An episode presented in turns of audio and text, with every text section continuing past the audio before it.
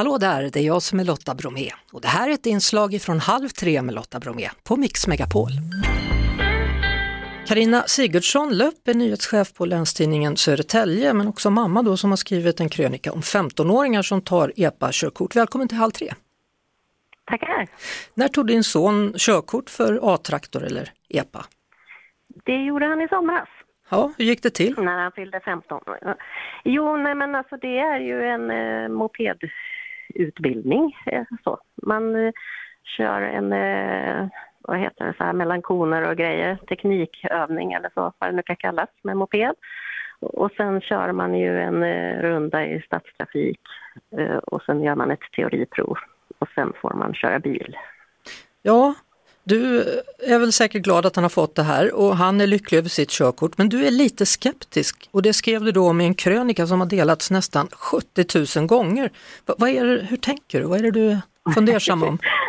Ja, nej men jag tycker ju egentligen att det är helt orimligt att, att man faktiskt kan köra två varv med moped och sen sätta sig i en Volvo, en ombyggd Volvo då som han har. Eh, det, jag menar, det finns ju en anledning till att när man är 18 så ska man köra en körskola 30 gånger och sen göra en risk 1 och en risk 2 och allt vad det heter. Mm. Eh, har du, Innan man får vistas i trafiken. Har du åkt med din son? För man får ju ha en passagerare och fler om de inte stör föraren tydligen. Precis. Jo, men vi har övningskört en hel del för det kände ju vi som föräldrar att det, vi släpper inte ut honom utan att vi har övningskört ordentligt. Nej. Och det Eh, var faktiskt en chock att sätta sig bredvid och åka med en, en EPA, eller A-traktor som Ja. det heter. det, det känns inte som det är så jättesäkert ifall man smäller. Nej, nu är det här alltså en väldigt säker bil. Han har en Volvo och Mm. den är ju liksom så. Och det går ju sjukt långsamt. Mm. Med 30 kilometer kan jag säga. Mm. är man van att köra bil så tycker man ju verkligen det. Så risken att det ska hända så, men trafikanterna runt omkring kör ju inte särskilt hänsynsfullt. Det märkte man ju på en gång. Nej. Alltså, eh, det har ju varit en hel del nu om olyckor då på nyheterna. Tar han till sig det?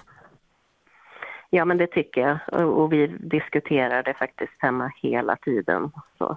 Ja.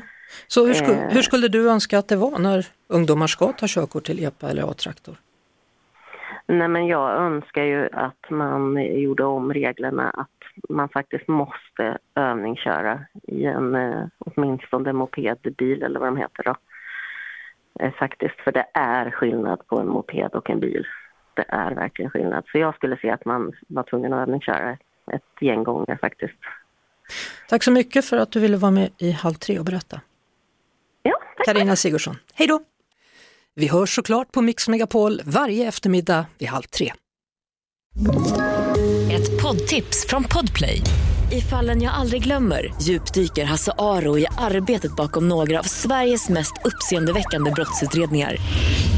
Går vi in med hemlig telefonavlyssning och, och då upplever vi att vi får en total förändring av hans beteende. Vad är det som händer nu? Vem är det som läcker? Och så säger han att jag är kriminell, jag har varit kriminell i hela mitt liv men att mörda ett barn, där går min gräns. Nya säsongen av Fallen jag aldrig glömmer på Podplay.